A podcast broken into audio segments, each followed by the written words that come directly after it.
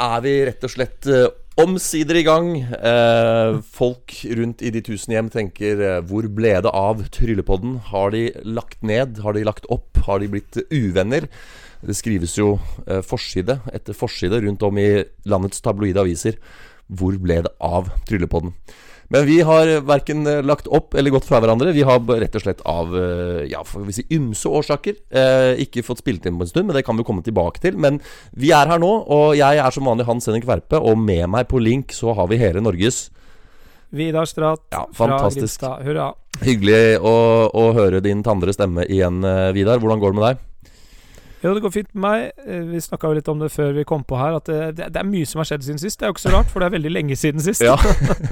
Så eh, jeg er veldig spent på hva vi kommer til å ta tak i, men vi i hvert fall mye å Vi kan begynne greit fra en kant, tror jeg. Så det er Ja. ikke noe problem. Det har jeg også klokkeklar tro på. Det er jo også sånn at Dette har jo skjedd med oss en gang før. For det vi da gjør i dag, er at vi har ikke noe sånn eh, typisk hovedtema eller hovedbolk til dere. Vi har rett og slett bare en god og lang Hva har skjedd siden sist. Og Nå husker jeg ikke når det var, men jeg tror vi har gjort dette en gang før, Vidar. Stemmer ikke det? Ja, jeg tror vi i hvert fall har gjort det en gang før, kanskje nesten to ganger før. Ja. Og eh, det verste er at det blir jo ofte de beste episodene, når Ja, vi ikke har noe å snakke om. Nei, for da, da sant, kommer flyten som jeg er så glad i, når det blir en vanlig ja, prat. akkurat det. Eh, for øvrig et slags godt nyttår, får vi si. Fordi at eh, vi skulle jo egentlig ha Eller vi snakka om å ha en julespesial i romjula. Eh, det det. utgikk. Naturlig nok, romjula er jo, det er jo en travel tid, i hvert fall for deg som har unger. Eh, og så skulle vi jo kompensere med å ta en eh, nyttårsspesial.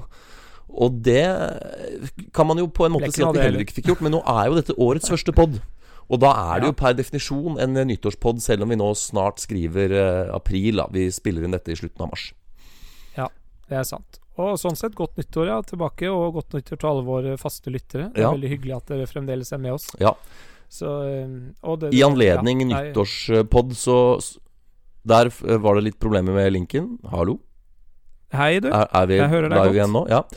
Ja, ja, visst Skulle du si noe? Ja, jeg skulle bare si egentlig at eh, det, jeg håper nyttåret har startet bra. Det har startet bra for min del, i hvert fall. Ikke Ja. vært de, de store tinga. Men det, du skulle si noe i anledning nyttår. Har du liksom noe nyttårsforsett å komme med, eller hva er det du tenker nei. på? eh, Å, uff, nyttårsforsett. Eh, nei, det har jeg ikke. Men det jeg skulle si, var at i anledning nyttårsepisoden så har vi jo vår, vår sedvanlige årlige nyttårs-slash-julekåring.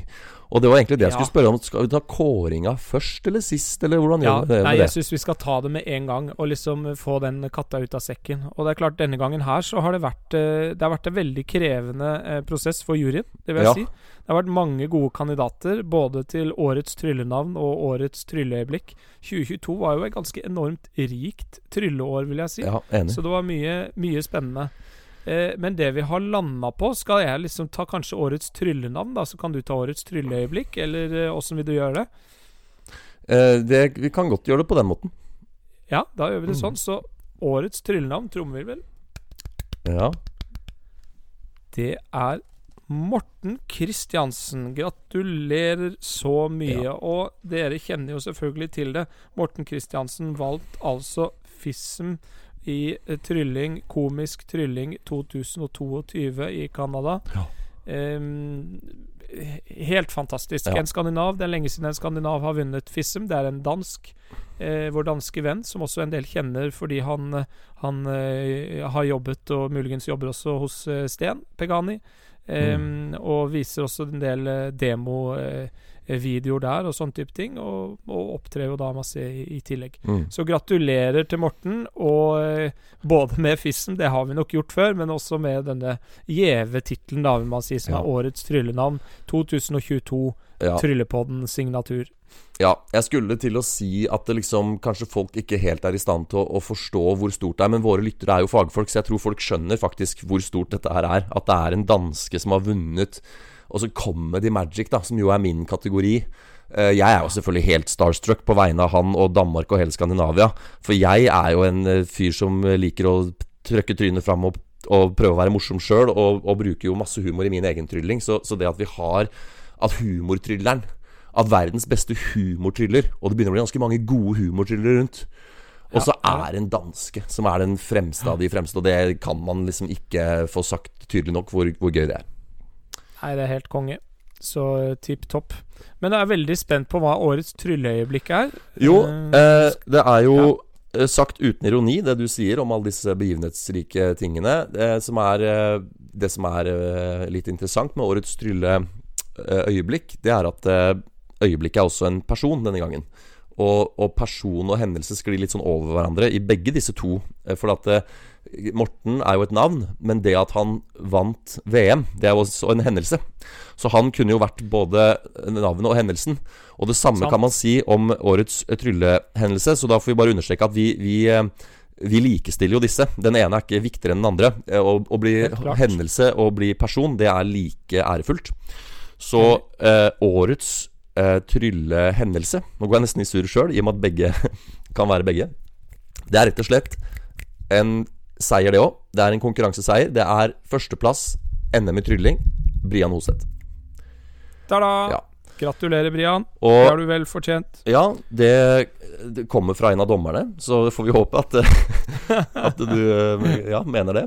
Eh, jeg så jo akten selv, jeg var jo der med NM og, og, så akten, og vil jo si at det, eh, det som er litt av grunnen til at den hendelsen er blitt trukket fram, er jo nettopp det at det er for det første litt sånn kult at dette må vel være første NM hvor Brian ikke er junior? Ja, det tror jeg. Ja, Han har sikkert vært voksen lenge, men det har jo ikke vært noe NM pga. korona og sånn.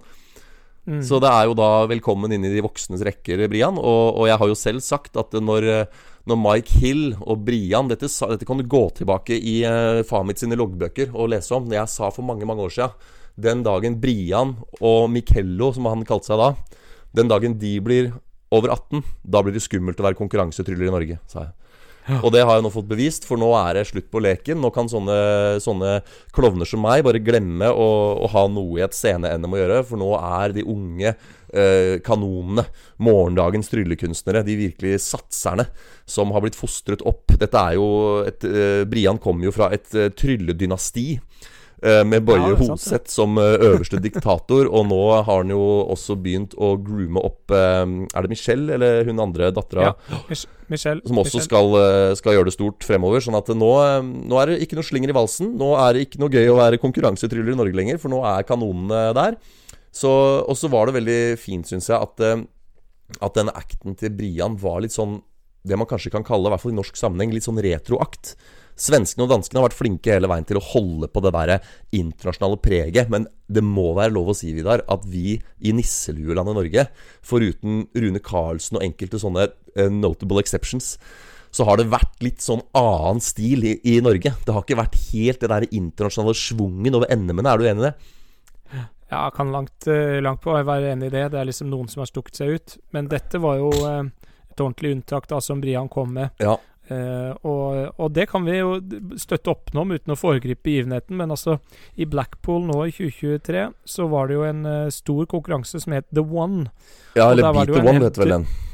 Nei, nei, The oh, nei. One. Oh, ja. Det er en ny konkurranse. Oh, the one, ja, jeg var ikke der i år. Ja, ja. ja, Beat, Beat, the One, det er jo sånn der tull og vas-konkurranse. Ja, det er det jeg kan være. ja, det er det. Der du pleier å være med, Hans Henrik. Nei, uff a meg. Du er jo mye i seriøse konkurranser, du òg. Men altså, The One er jo en, en, eh, stor konkurranse som Blackpool-kongressen eh, har liksom kjørt i gang. Eh, og grunnen til at jeg kan si den er stor, er at det var jo deltakere der som type Mario Lopez Hva heter han for noe? Miguel Munoz, er det det jeg tror? Han som tryller med disse glasskulene som blir til vann. Altså Det er jo det, det, det er internasjonalt ekstremt sterke akter. Ja. Og der var Brian en av jeg tror det var åtte deltakere. Yes. Eh, altså en av et veldig smalt knippe deltakere. Mange har søkt og bedt om lov å være med, men han ble plukket ut til en av de aktene som skulle representere i konkurransen. Mm. Og gjorde der en nydelig eh, opptreden også. Så ja. det føyer seg bare i rekken. Nå er det på en måte i post. Eh, 2022, eh, så mm. det går jo ikke inn i underlaget for juryens vurdering i denne sammenheng. Men, men uh, det kaster jo lys over det på en veldig fin måte. Ja, Gjorde han den samme acten der, eller?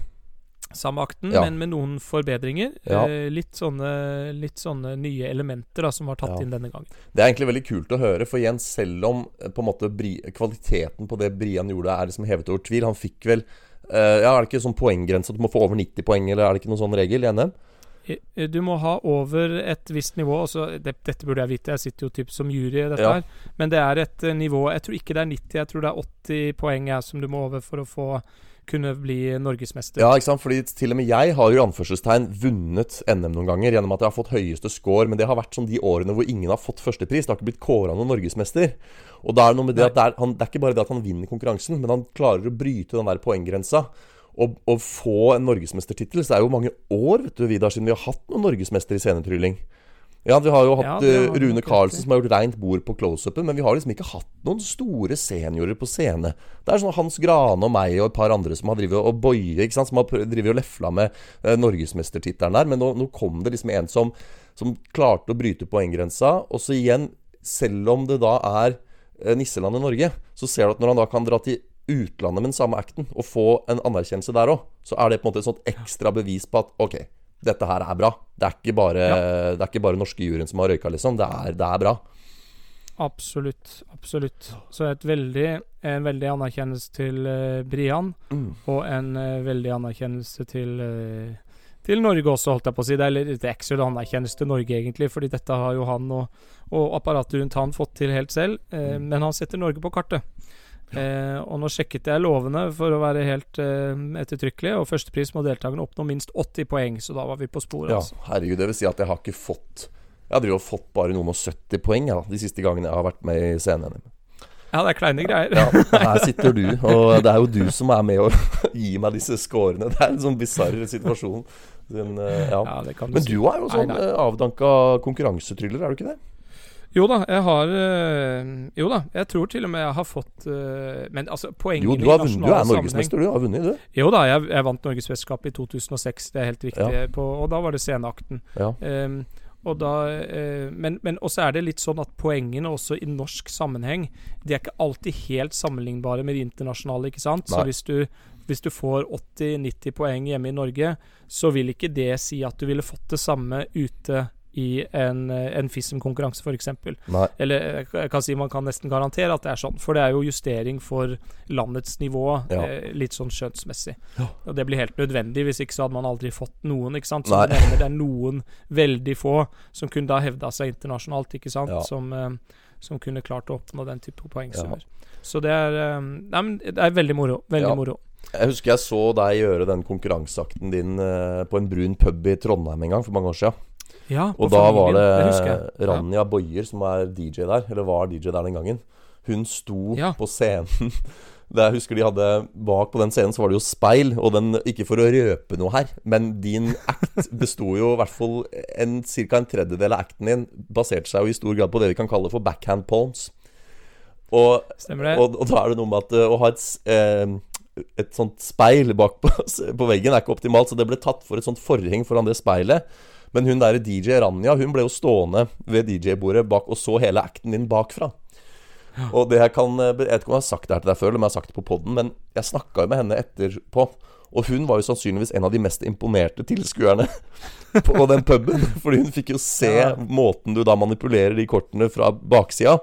Og det er jo Selv om du da ikke blir lurt, så får du i hvert fall se fingerferdighetene utspilt live.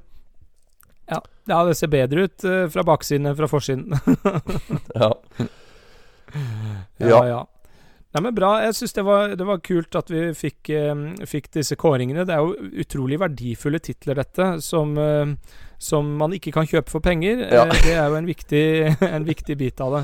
ja. Eh, så vi har eh, massevis av integritet, men vi deler ikke ut verken statuetter eller Nei. plaketter. Så det er kun shoutouts, Ja. og det er kun de som, får, som hører på podden, som får dette med seg. Ja. Så til ikke vi klarer å få ut en post i SoMe, da. Det ville jo vært bra. Jo da, jeg skal, jeg skal legge ut. Men jeg er blitt kasta ut av forumet til Magiske sirkel nå, for jeg tror jeg glemte å betale kontingent i tide, så jeg må, jeg må få kommet meg inn igjen der hvis jeg skal lage en, en post der. Men, men det gjør vi. Og så eh, Når du nevner det med at det ikke kan kjøpes for penger, så må vi jo Vi må jo ta det en dag. Uh, den der, uh, Hva heter den der statuetten til han Tony? Ja, Merlin. Marilyn Awards. Vi må jo ta en episode ja. på det en gang òg.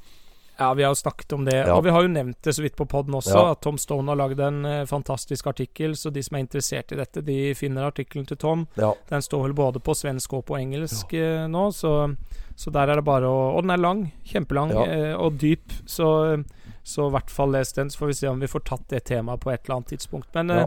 eh, eh, det er i hvert fall veldig tydelig fra Magisk Sirkel Norge sin side nå at man eh, ønsker å anerkjenne FISM-priser, eh, primært. Og, og, og andre priser hvor man kan åpenbart spore en form for, eh, for integritet. Det finnes jo en del europeiske og internasjonale, konkurranser, internasjonale konkurranser som også Mm. holder på en måte et slags FISM-standard, FISM-nivå. Ja, om det er offisielt FISM-standard på IBM og SAM og noen av disse store amerikanske konkurransene, vet jeg ikke, men det er i hvert fall FISM-nivå og, og sterk integritet bak de prisene. Ja. Så det er i hvert fall tydelig kommunisert fra MCN, som er en god ting. Mm. Eh, Du, nå må jeg bare, jeg bare skyter inn en ting her. Det er Ja. noe som har skjedd siden sist, men det har skjedd ganske nylig. Mm. Eh, du gjetter aldri hva jeg var på på fredag. Ja, når du spør sånn, så har du vært enten og sett på et standup-show, eller så har du vært på det andre teatret og sett improteater. Eller så har du eh, møtt eh, Jeg fikk jo melding av deg når du møtte en annen eh, podkastkollega av meg, Halvard Dyrnes, på Ja, byen her. Ja, Så det er noe i den gata veldig- der, tenker jeg. Ja, jeg møtte ikke Halvard igjen på fredag. Det hadde vært hyggelig for øvrig, Ja. så kunne vi jo slått av en prat. Men, men, men du, du er jo i rett leie for så Det er ikke standup, men det er kulturelt. Ja. Jeg var på visning av en film i forbindelse med Grimstad Filmklubb, tror jeg det heter. Så Ja. unnskyld til Grimstad Filmklubb hvis det heter noe annet. Men nå er jeg også medlem der for øvrig. ja. Og det var filmen 'Generalen'. Sier det deg noe? Nei. Nei. Nei. Det, det er med en uh, kjent skuespiller som heter Buster Keaton. Jo, jo, jo unnskyld, unnskyld, nå svarte jeg på autopilot. Ja. Jo, jo, den gamle svart-hvitt-klassikeren til Buster Keaton. Gamle, Ja, den svart? kjenner jeg jo til. Yes. Ja, ja, ja. Ja, ja, med, med tog og, og Civil War i USA og alt mulig. Borgerkrigen, som heter på norsk. Ja. Men det som er bemerkelsesverdig med den visningen jeg så, det var at her var det en live pianist som spilte til. Eh, det var ikke et eller annet sånt jalla opptak som noen hadde putta på, som det sikkert vanligvis er. Og det var ikke en hvilken som helst pianist. Dette var Norges fremste stumfilmpianist. Ja. Kjetil Sjander Lur, eh, som var og spilte. Og han fortalte også litt om Buster Keaton og om generalen. Og det som er morsomt, som relaterer dette til trylling, det er jo at Buster Keaton han fikk jo navnet sitt Buster av vår gode venn. I 1926 døde han. Hvem skal jeg fram til? Nei, nei, nå må, nå må du gi deg. Jeg har ikke peiling. Nå er det et eller annet du fisker etter som jeg ikke Det er en referanse jeg ikke tar her. Harry Houdini døde i 1926 Ja. og ga Buster Keaton navnet hans Buster fordi han på et eller annet tidspunkt når de var sammen, ramla Buster Keaton ned en trapp. Jeg husker ikke hva han egentlig heter, men han heter noe annet. Og da sier Houdini noe sånt som Oh, that's a real Buster, eller noe sånt. Og da fikk han tilnavnet Buster, som ble liksom hans eh, artistnavn, da, på en måte. Ja. Buster Keaton. Det fins også en um, Det tror jeg faktisk jeg har nevnt. En, eh, en eh, dokumentar som lå på NRK tidligere. Jeg vet ikke om den ligger der lenger nå, men om Buster Keaton med, på norsk. Som eh, jeg syns var utrolig artig. Eh, og det er masse paralleller mellom film og trylling og eh, virkemidler, filmtriks. Han gjorde alle stuntene sine etter sidningene Mm. selv, og uten noe særlig HMS. Altså jo mindre HMS, jo bedre ble det. Mm. Så um, anbefaler alle å ta liksom en, en titt på det. Ja, jeg vet veldig godt hvem du snakker om, fordi han var lørdagsgjest på Lørdagsrevyen, tror jeg. Eller om det ikke Å. var Lørdagsrevyen, så var det en sånn lengre Han eh, reportasje. Chandelur? Ja, det var en lengre Ja. reportasje på NRK for ikke så veldig mange uker siden. Eh, jeg tror det var Lørdagsrevyen, for det er da de har sånn lørdagsgjest. Eh, hvor det Ja. var et lengre innslag om han. Eh, Norges eneste, vel. Det er ikke bare at han er fremste, han er liksom den eneste profesjonelle, altså heltids uh, stumfilmpianisten. Ja. Så um, Ja, nei, det var veldig gøy. En annen parallell her, da, til trylling, det er jo uh, Orson Wells. Som også var en Ja, sånn ja, gammel, gammel Eller som er blitt en sånn kultfigur på liksom det filmhistoriske kartet. da Altså en sånn gammel ringrev. Som også Han var jo tryllekunstner. Så ikke bare har jo liksom eh, Nå så jeg nylig en sånn eh, TikTok-video av eh, Har du sett den derre Chaplin-filmen hvor han går på rulleskøyter inn i et sånt et sånt kjøpesenter eller noe de driver og pusser opp? Ah, nei. Nei. Det er i hvert fall en veldig berømt scene der hvor han driver og kjører fram og tilbake på disse rulleskøytene, og så kjører han veldig nærme kanten, for da er det ikke sant, de driver og Det er et anlegg, Jeg tror det er et kjøpesenter, men de i hvert fall driver og Riktig. pusser opp eller bygger der. For han kjører da veldig nærme kanten av et gulv, og så er det da tilsynelatende stup rett ned, ikke sant? Yes. Og jeg i mange år har jo alltid tenkt at dette på en eller annen måte er filmtriks, men jeg har ikke visst nøyaktig hvilket filmtriks, før jeg nå så en sånn der behind the scenes på TikTok, hvor de viser den samme scenen, men med kamera i en litt annen vinkel. Og det de da har gjort Kjenner du til 3D-tegning? Ja. Altså sånn der ekstrem perspektivtegning hvor du, du tegner Yes. utover gulvet eller bakken på sånn måte at ting ser ut som det er 3D. Ja. Ja. Så Ja, det er det. Jeg Ja. Mm. Ja, Så de har malt hele det rommet i sånn at hvis du står Du må stå på akkurat riktig sted, så ser det ut som et vanlig 3D-rom. Men hvis du står litt feil, så ser det ikke sånn ut. ikke sant? Så han kjører egentlig bare rulleskøyter fram og tilbake på et, et, flatt rom. Og til og med det som da er veggene og døra bak, det er også, også egentlig på bakken. Ikke sant? Ikke sant? Så, så det, var, eh, det var litt gøy å se hvordan det er Altså Dette med illusjon da går igjen i film, og særlig i gammel film, når det var sort-hvitt og det var litt færre Altså nå er det jo Men hvis du har et 4K-fargekamera i dag, så vil det være flere nyanser å ta hensyn til, som gjør det der kanskje litt vanskeligere i dag. Men, men det at man har brukt så mye illusjon i film, det, det, er jo spennende. Og da er det jo gøy også at sånne som Orson Wells da faktisk også var tryllekunstner. da Absolutt. absolutt Nei, jeg, jeg, Når du sier det, så har jeg også sett det på en eller annen sånn reel. Ja. Disse livsfarlige reelene som man blir sittende og, ja. og, og trykke på, holdt jeg på å si. Nå, og, og eh, da har jeg sett det tilsvarende, dette rulleskøyteklippet som du snakker om. Det er helt utrolig fascinerende. Det er jo litt à la vel disse jeg vet ikke hvor mye du ser på fotball, men Nei, eh, reklam, reklame, reklameplakatene nå De er jo ikke sånne standup uh, 3D. De, de, de, er bare tegna. Ja. De ligger flatt på bakken, men det ser ut som de står opp. Ja. Uh, som en sånn uh, Akkurat det har jeg selvfølgelig fått med meg, så jeg ser aldri på fotball. Men jeg har, for jeg ser at det er jo ofte en todeling. Langs, langs under der publikum sitter, så er det jo ofte digitale skjermer. Yes, men de to som er bak mål, de er jo sånn tilsynelatende pyramideformede, og så er det egentlig bare malt. Ikke sant? Og det er jo sikkert da fordi ikke folk skal tryne inn i det eller et eller annet, for det Ja. er jo sikkert kjempevondt. Mm. Ja.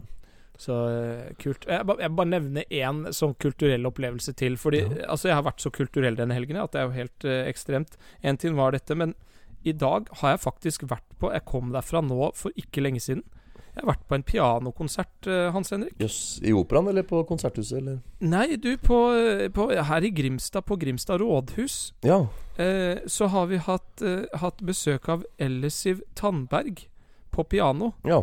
Al altså, eh, og, eh, nå, skal ikke, nå er ikke dette musikkpodden, men altså, fordi jeg vet du er eh, musikkinteressert, ikke Ja, ja. sant?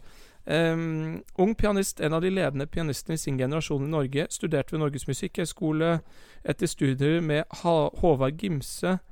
uh, Flytta inn til Wien for videre studier. Avslutta uh, mastergraden sin i juni med en eksamenskonsert som ble beskrevet som en av de beste juryen hadde hørt. Mm.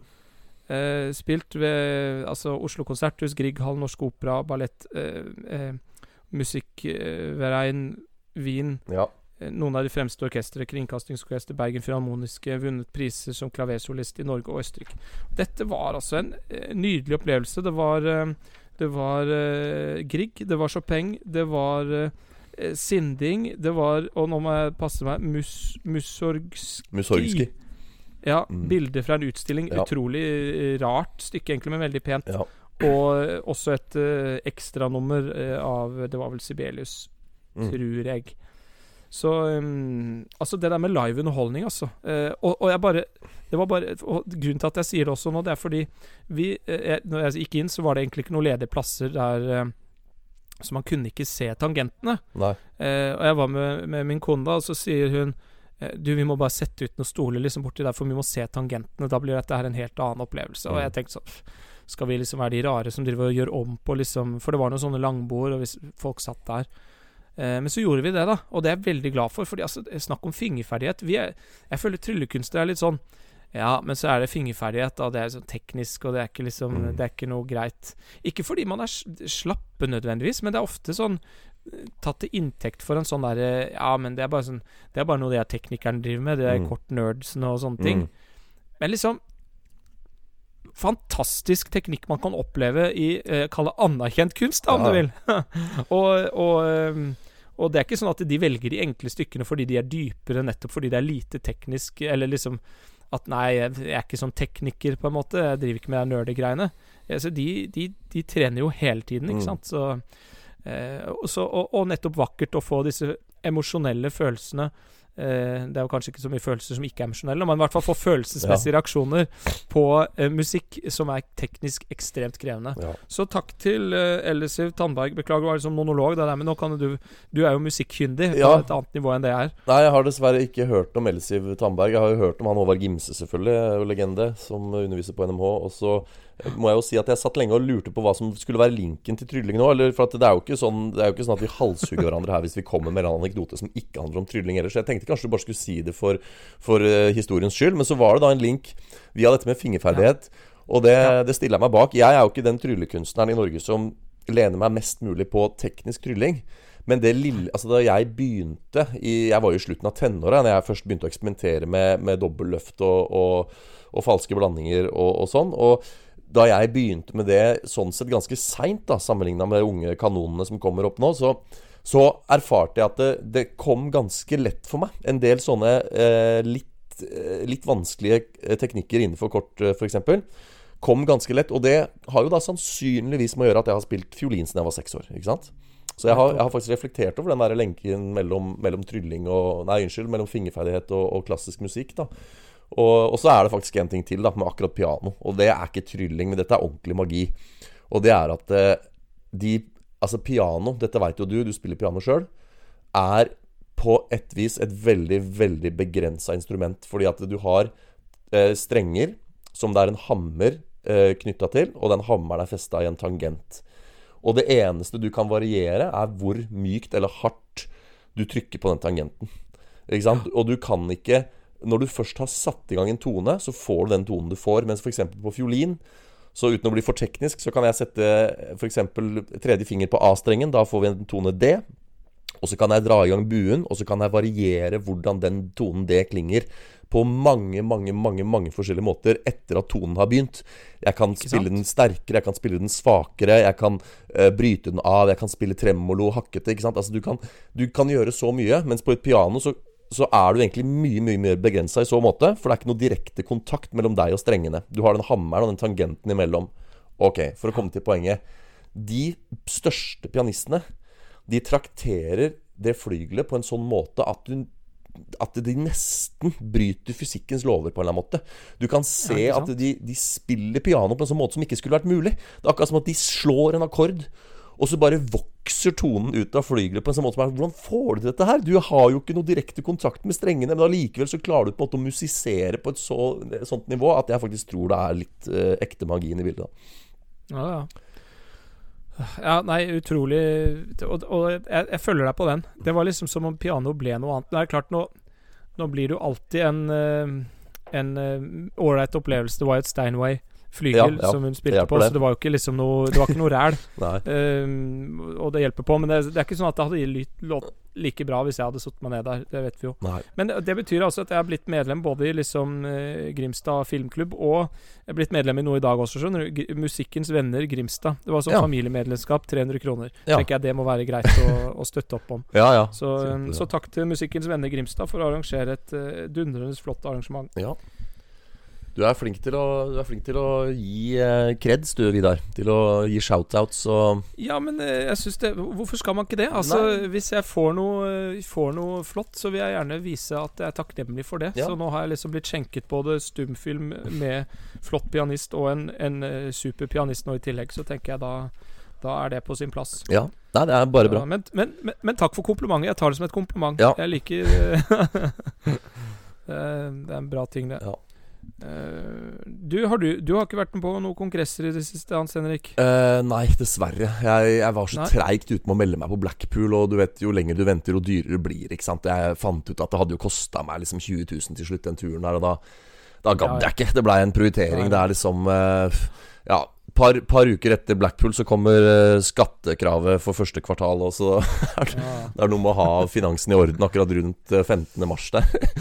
så, ja, nei, så, jeg dessverre droppa det. Men jeg, altså, jeg har jo ikke vært der på 40 år nå pga. korona og alt mulig. Så jeg, jeg, hadde jo veldig lyst um, det var jo så synd det året Christian Vedøy var med og gjorde utbryterstunt. Ikke sant? Han, det var jo hans første Jeg hadde jo prøvd å overtale han til å bli med til Blackpool mange ganger. Og når han mm. først var i Blackpool, så var det ikke som deltaker, men som utøver. Og det hadde jeg selvfølgelig også veldig lyst til å få med meg, men det, det fikk jeg jo ikke med meg. Altså, for det var det første året i en serie på ganske mange år nå hvor jeg ikke har vært der, da, dessverre. Først og fremst fordi ja. det har vært avlyst, men, eh, men ja. ja. Så nei. nei Christian husker jeg godt, fordi ikke bare gjorde han det bra i sceneshow, men han hadde også en lecture som egentlig var veldig ja, bra. Han hadde det eh, ja, ja. Og, og, og, jeg var jo litt sånn Vi, vi, vi kjenner jo Christian, og, og, han er jo best på å kalle disse utbrytertingene. Og så var jeg litt sånn OK hvor gøy kan det være, liksom, med lecture om utbryting? I hvert fall for min del. Som, eh, jeg driver jo ikke med det i det hele tatt. Så, men, men eh, det, det, det, fikk han ordentlig bra til, altså. Så, så, så, så det var men hva, bra. Så kult. Snakka han da om å holde pusten og sånn, eller snakka han om å dyrke ja, låser, ja. eller hva? Ja. Nei, holde pusten. Litt sånn SoMe-opplegg og litt forskjellig, egentlig. Ganske mye rundt liksom hvordan han tenker rundt ting og, og planlegger stunts og alt mulig sånt. Så jeg syns egentlig han fikk fram mange kule poeng. Ja. Um, men grunnen til at jeg, jeg trekker jo inn kongress, selvfølgelig, for jeg har jo vært på kongress. Jeg, uh, både The Session og i Blackpool. Uh, så jeg må kanskje si liksom men, men før vi går på det, Hans Henrik. Mm. Jeg ble så, jeg ble så uh, spent, fordi når du kom på her, så var det liksom du, du 'Å, jeg er litt sein, men det får vi ta på poden', sa du. ja. Så nå har jeg, jeg har tenkt på det siden. her, Så jeg må, hva var det for noe? Å ja. Vil du virkelig spille ballen over til meg nå? Ja, nei, jeg må, må jo ikke Jo, nei, men men altså, for hvis, du, hvis du nå Ja. spør meg hva det gjelder, da, Ja. da blir det monolog herfra en stund. Altså, da må du være forberedt på det. Ja, men det, det, passer ikke det. Nå har jeg preika om liksom eh, om, om pianokonsert. Så Ja. gjerne ha litt monolog fra Verpe her nå. Nei, men altså, greit. Da er det bare å eh, fasten your seatbelts. Da tar jeg på, Tar jeg på mute, ja, og så går jeg og henter meg noe å drikke. Ja, it's gonna be a bumpy ride, for å si det sånn. Det Nei, altså Dette er jo en ting som har skjedd siden sist, og sannsynligvis den eneste jeg kommer til å ha energi til å prate om i dag. Og det er, en, det er ikke bare siden sist, men det er rykende ferskt. Rykende nå- fersk eh, erfaring. Ja. Herlig. Og, og, og jeg eh, Introen her nå blir jo det at jeg kom litt seint i gang her, og det skyldes at jeg helt fram til faktisk to over åtte, altså to minutter etter at du egentlig skulle møtes digitalt, så var jeg på telefon med lillebroren min for å eh, debrife og eh, Hva heter det for noe? Bearbeide eh, et inntrykk. Og okay. det det dreier seg om, er at jeg har jo dette showet mitt på Njø scene en gang i måneden. Tryllesøndag eh, på Njø scene. Og vi har nevnt det tidligere på poden her. Ble jo nevnt i forbindelse med at vi også snakka om hva som fins av faste show der ute hvis man vil gå og se trylling. Og, og har vel kommet inn på at det liksom har begynt å etablere seg, og at det har stort sett vært utsolgt hver gang og sånn. Eh, vel, vi spiller inn dette her søndag 26. mars, og eh, det var jo da datoen for marsshowet. Tryllesøndagen i mars. Ja, ja. Så jeg kommer rett derfra nå, og jeg har rett og slett hatt det jeg vil kalle for et katastrofeshow.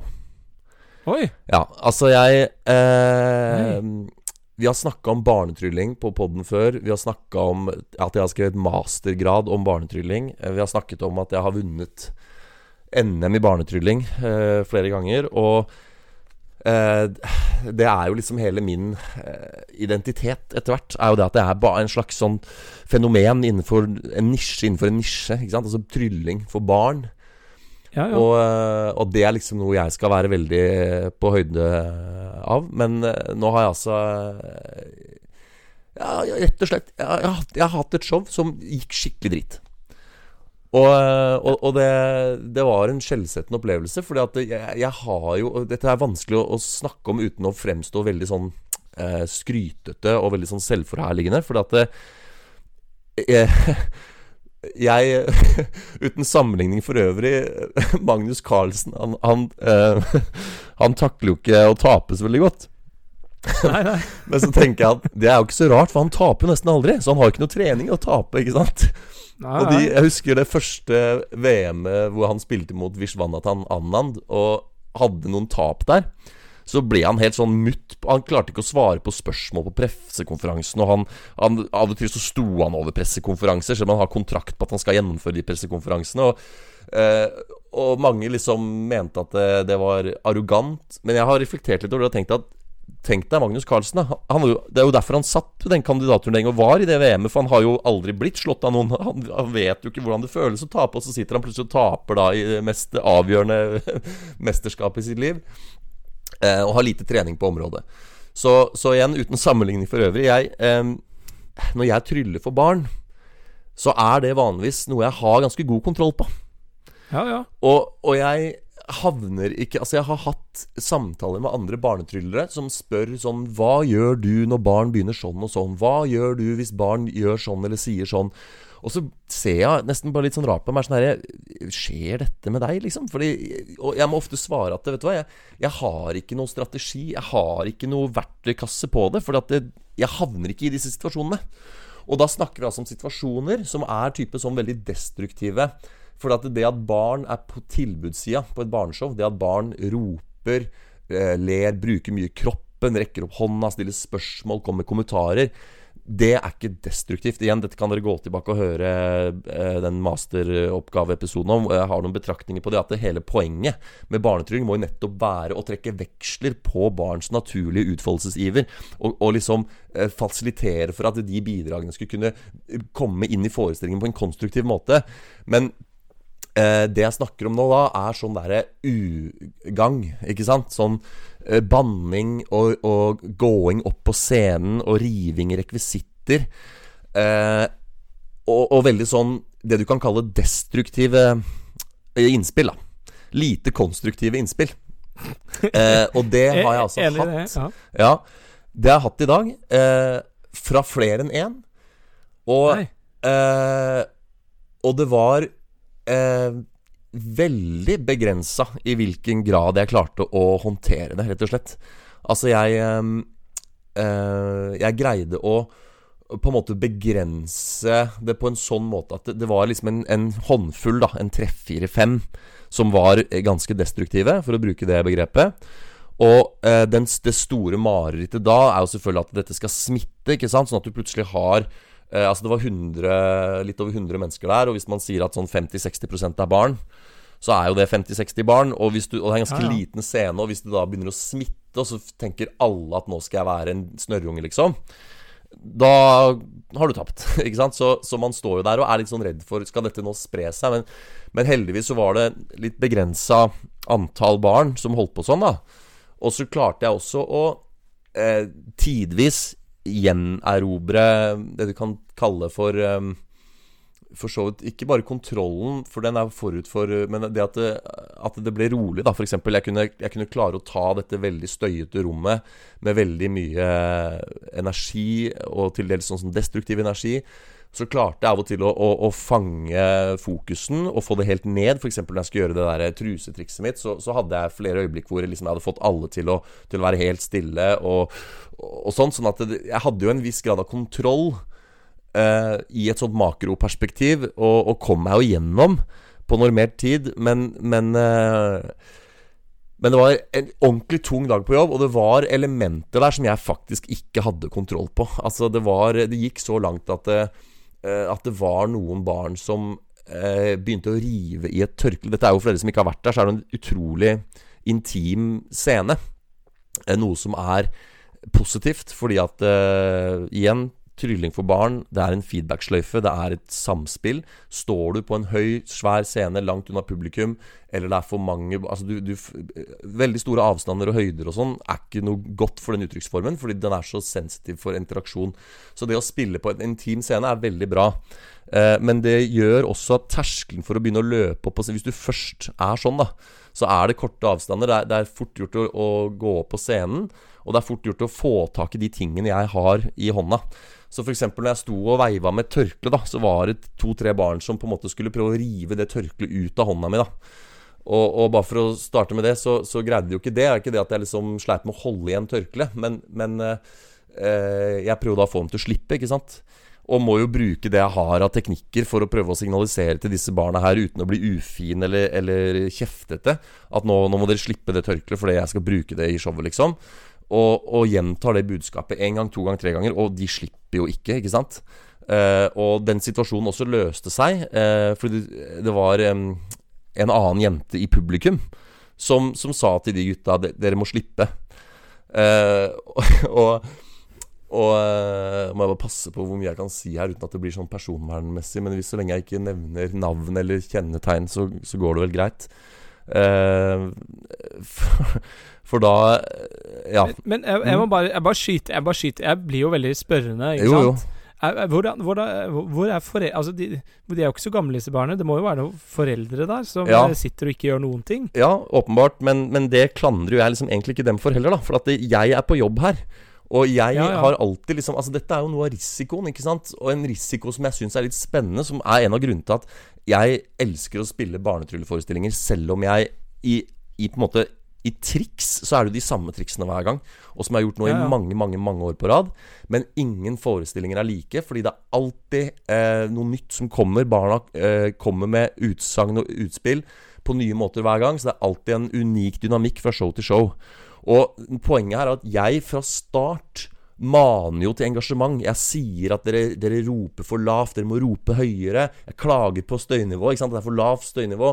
Og jeg egger dem opp, og jeg spiller dum ved å være en fyr som snubler rundt oppå scenen der og, og skvetter av, av, av, banale ting, og som ikke skjønner at tørkleet som er hvitt Nei, som jo At jeg sier feil farge på tørkleet og sånn. Altså, ikke sant? Og da, når jeg spiller dette her ut så er det jo vanskelig for barna å vite hvor grensen går. ikke sant? Når de da blir bedt om å herje tilbake. Uh, ja. Hvorfor skal det liksom være deres ansvar, eller noen andre enn mitt sitt ansvar, da, å sørge for at det der foregår på ordnede former? Og, og jeg vil jo være tilgiven også overfor disse barna, fordi det er jo jeg som på en måte her har bedt om dette. Og så er det da en stor andel av barna som eh, eller reagerer sånn som jeg hadde håpet, og så er det da noen som reagerer mer eller på en litt annen måte enn jeg hadde håpet. Men stadig fra mm. deres point of view. Dette er jo små barn. Så, så ser jo deres perspektiv på det må jo bare være at her har vi en voksen person som inviterer til herjing, og som eh, reagerer eh, på en annen måte enn mamma og pappa ville gjort hvis jeg f.eks. sier noe litt frekt eller gjør noe litt rart.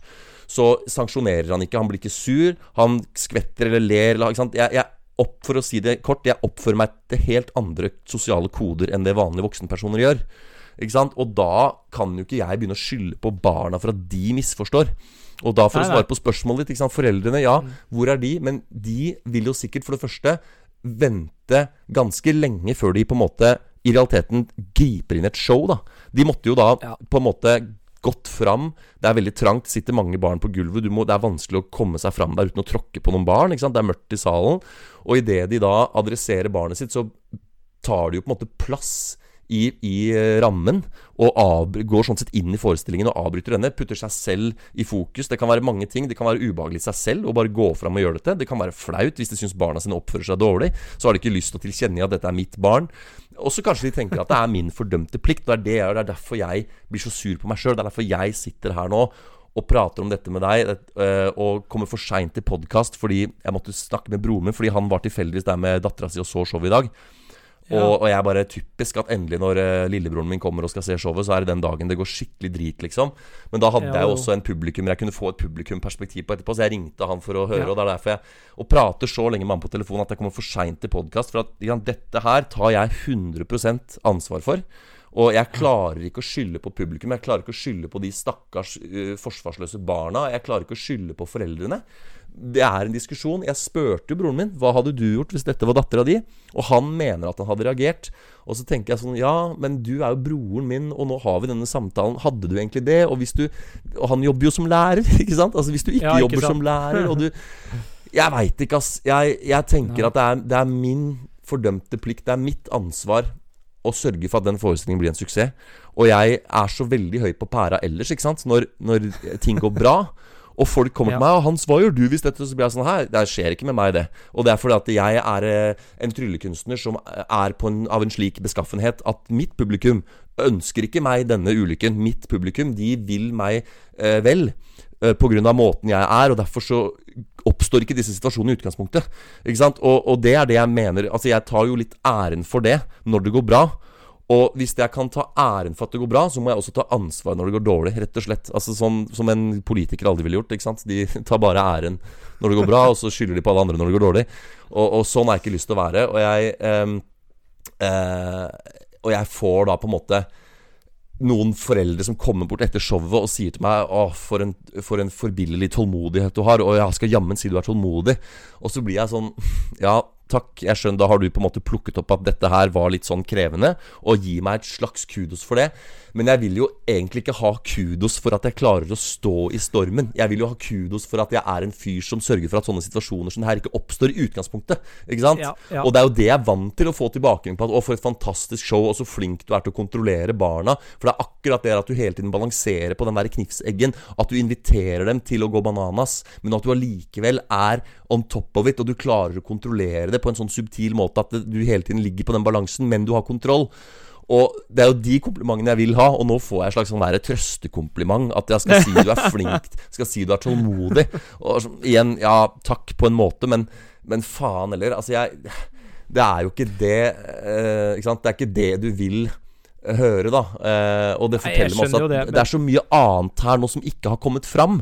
For hvis Én Ja. ting er det Altså, ja.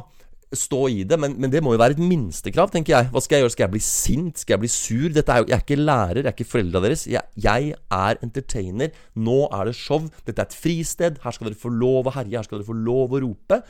Uh, og så skal jeg vanligvis, da hvis jeg har en god dag på jobben, klare å, å fasilitere det her på en god måte. Eh, og da vil også tilbakemeldingene fra foreldrene være helt andre. Nå, eh, jeg merka meg jo, og det kan være tilfeldig, men jeg tror ikke det er det, at det var langt færre denne gangen.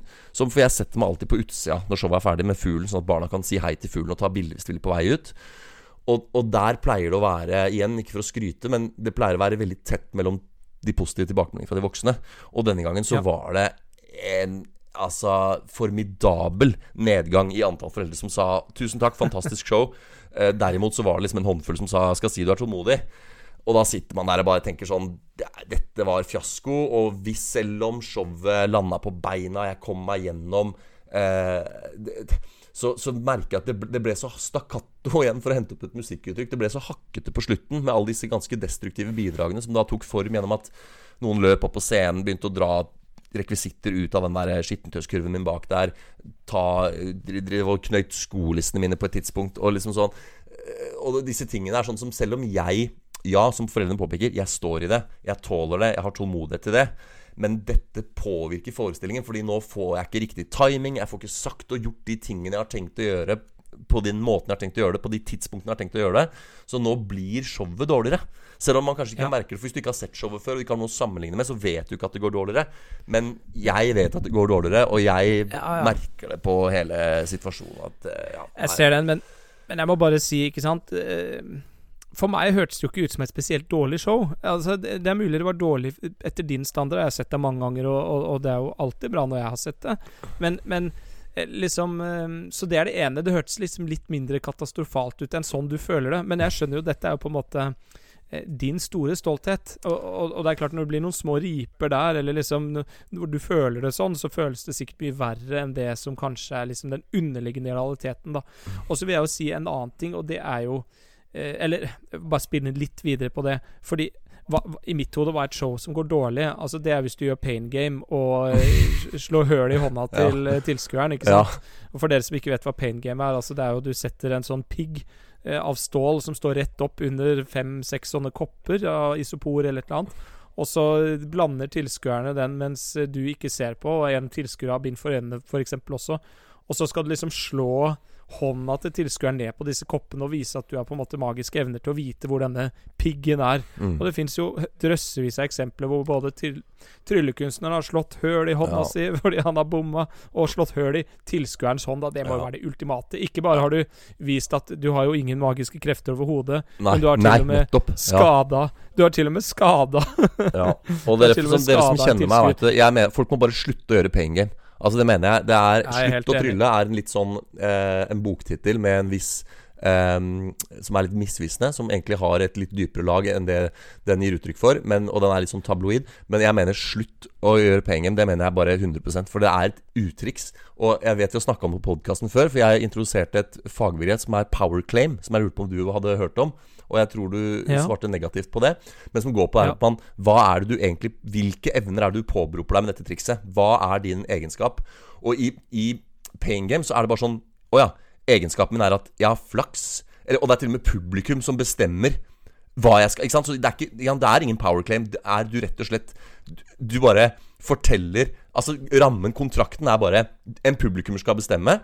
Og se her, den varer igjen den siste posen. Så at du på en eller annen måte hiver hele trikset under bussen og bare sier «U, Du har ikke magiske evner, men det er du som bestemmer, og allikevel går det bra. Konklusjon her er det jeg har jeg en eller annen overordnet kontroll. Altså Det er, bare, det er så ræva triks. og, og, og det er veldig lineært. Ja. Eh, metodisk. Nå blir det veldig sånn Ja. her, eh, trylleteori, da, men altså eh, Det man egentlig sier, er liksom Jeg vet hvor den piggen er. Ja, ja. Altså liksom, så, ja, ok, og det, ok, så du, du vet på en eller annen måte hvor den piggen er? Ja, det er det jeg vet. Og så blir det jo veldig dramatisk, da. Folk, Det gispes jo i salen, og det er jo helt sånn her Det koker jo når det, når Ja. det, trikset gjøres. Men, men samtidig er enig Ja. eh, det, det er mer et slags puzzle. Hvordan kunne han vite hvor den piggen var hen, ikke sant? Istedenfor eh, ja, mye dypere ting, da. Men i Ja. hvert fall, så po poenget mitt var at uh, du sier det katastrofalt, men du har ikke For jeg, jeg tenkte nå Filler'n, har han er det en unge som har klippet av seg en finger, eller altså, hva, hva har Men, men det, var jo, det var jo bare at noen hadde vært oppi og røska i litt tørklær, da. Og så kan det hende at det skjedde andre ting som du ikke har gitt Ja. detaljene på, men likevel. Jeg syns ikke det hørtes så galt ut. Og så vil jeg bare si én ting til, Ja. og det er at eh, enhver jobb går jo litt opp og ned. Altså, Ja. eh, du, du har jo nå også holdt på å si en vanlig jobb. ja.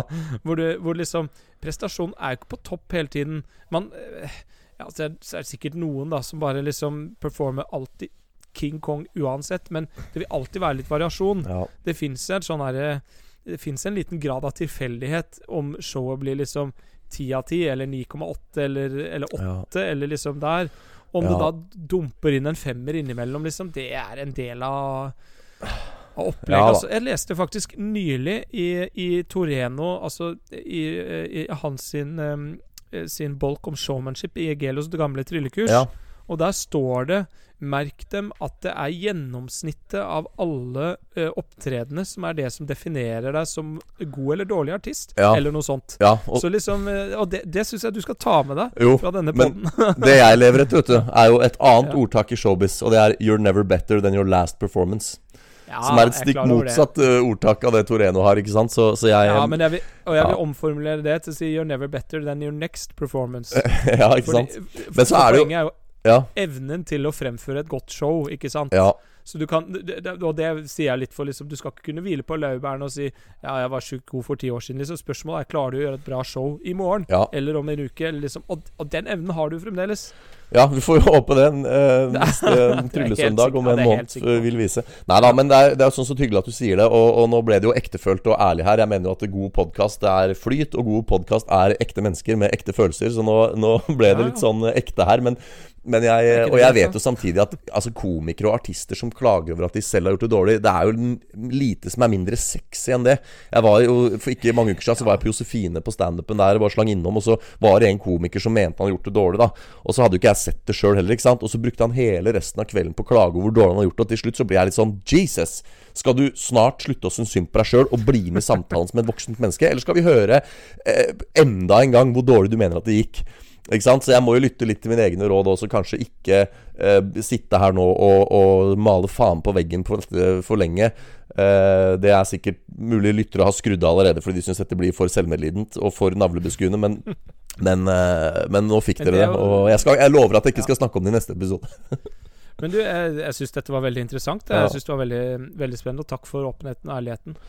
Ja. Eh, men, men, men da kan vi, kan vi jo hoppe over på mitt uh, lille Ja. kongresseventyr, da. Ja. bare for å liksom uh, gjøre en ordentlig U-turn her. Ja. Um, du har vært på to kongresser. The Session i uh, januar. Um, det er jo Vanishing Inc. eh, sitt flaggskip i, i Europa. Ja. eh, hvor det er på, på Heathrow utenfor London, eh, på et hotell. Høydepunktet der var trommevirvel Morten Kristiansen. ja.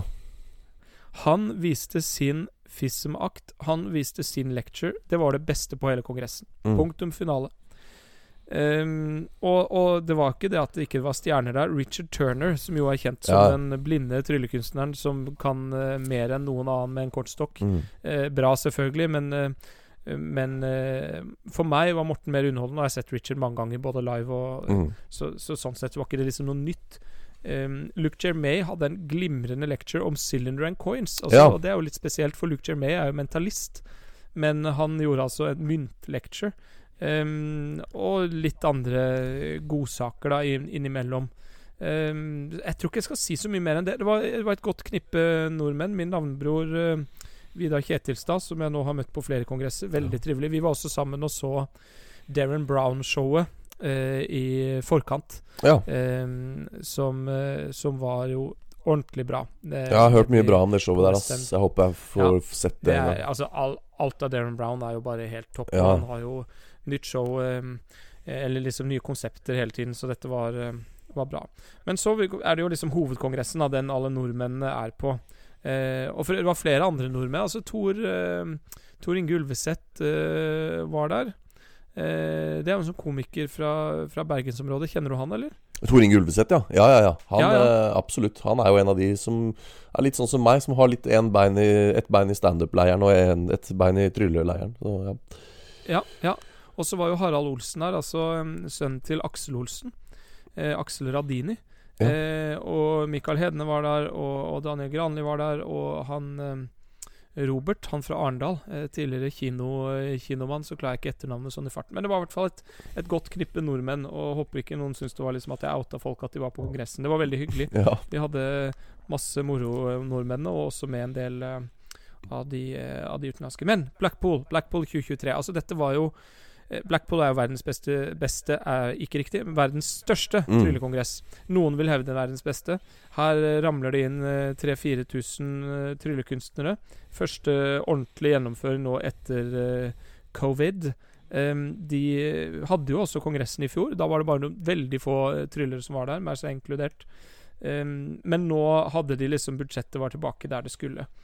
Høydepunkt gallashow søndagen med ingen ringere enn Yu Ho-jin oh, som Yu hovedakt. Ja. Han, han closa showet med FIS-makten sin fra 2012, hvor Ja. han vant verdensmesterskapet på den samme scenen i Blackpool, Mm. eh, hvor da også VM var i Blackpool. Tenk at jeg har møtt Så, han. eh, Han var jo på Magiske time i 2013, han, på Color Line. Ja, Og det er jo en av mine absolutte favoritter. Og jeg kommer aldri til å glemme Yu Ho-jin. Det er eh, noe av det råeste jeg har sett.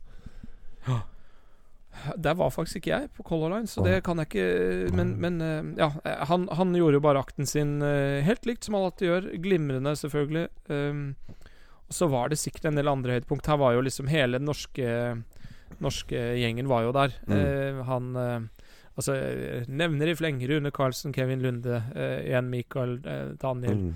Eh, og mange som jeg da Jeg holdt på å si noen få nevnt, og resten glemt. Det. Ja. Men veldig hyggelig. Masse, masse eh, nordmenn. Vi var vel sikkert 40-50 nordmenn eller noe sånt. Ja. Og um, bra kongress. Selvfølgelig brukt, brukt en del penger på nytt utstyr og sånt som jeg aldri kommer til å få brukt. Ja. Um, og um, ja, det er jo ikke så mye mer å si, egentlig. Jeg ville bare liksom nevne det, for det, det, det er liksom Nå er jeg liksom tilbake igjen i kongressflyten. Mm.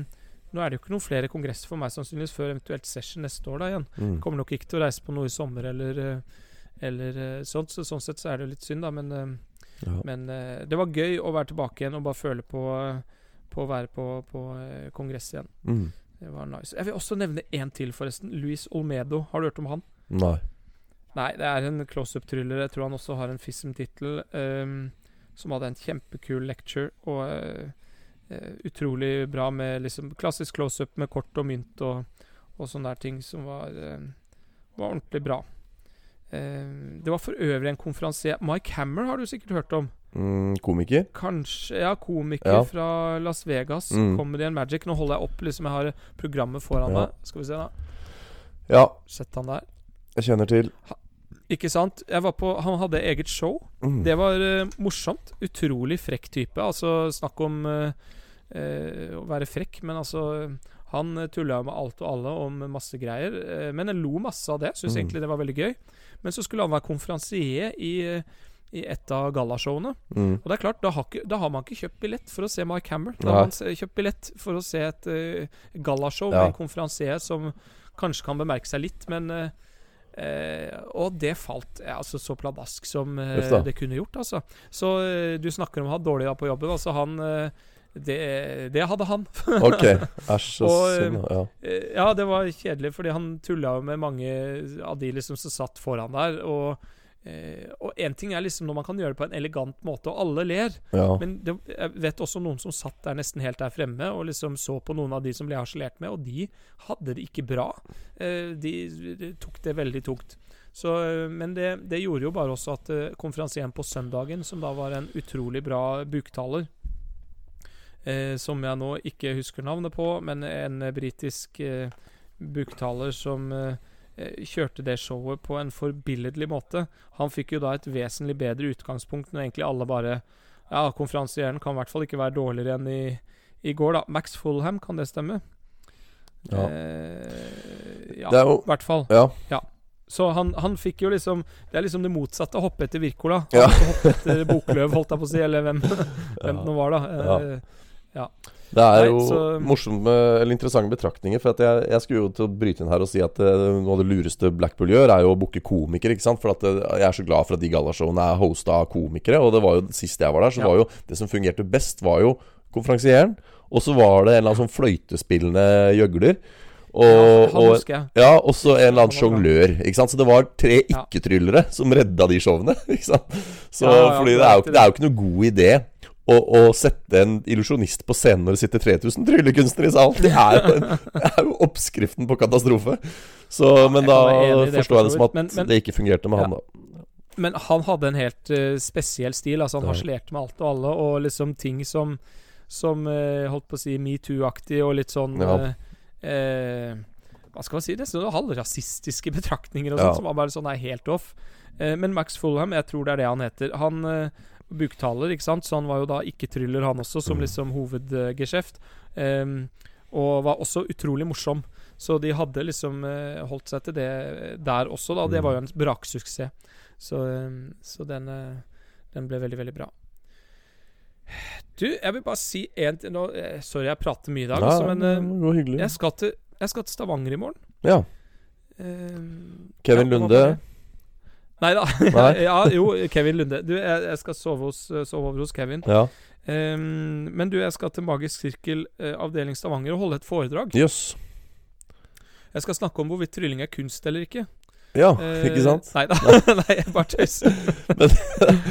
og for de som ikke tar den, så er jo det, var jo det liksom ditt hovedtema Ja. på Magic in Hell på Nasjonalkongressen. Velkommen til spalten Hva skal du gjøre Altså Nå har vi hatt spalten Hva har du gjort siden sist Nå har vi gjort spalten Hva Ja, skal du framover Sånn at neste episode så får du ikke sagt noe om dette i Hva har skjedd siden sist For da har du allerede tatt det nå jo, men da kan jeg jo fortelle om at jeg hadde hatt en forferdelig dårlig dag på jobben. Ja. Og begynt å rive ned rekvisittene mine og alt mulig. Ja, Det er det der er du på Der er du på Ta, Ja, Putt det på en scene Vidar Det er bra, det er stand-up Ja, det er standup. Enig i det. Nei, du, jeg ville bare si For jeg er litt, eh, jeg er litt nervøs, fordi eh, jeg har holdt eh, Jeg har kanskje holdt ett foredrag. Det var sånn der medlem i fokusopplegg hvor jeg skulle liksom snakke litt om kortmanipulasjon og litt forskjellige ting i MCN i Oslo. Ja, Mange år siden. Jeg husker ikke hvilket år det var engang. Um, og det var hyggelig, det, og ålreit, men nå har jeg liksom prøvd å sette meg ned og liksom finne ut av hva er det jeg egentlig ville si. Jeg har til og med skrevet en bitte liten sånn lecture note. eh, Ja. Med tre triks og to essays og en uh, falskblanding. Yes. Som jeg beskriver i det Så jeg kaller det for 3, 2, 1. ja. Er litt kult? Og så um, eh, Og så skal jeg liksom prate tryll, da, med Ja. Så jeg er veldig spent på hvordan det går. Eh, så det får liksom være en cliffhanger da til neste Ja. gang.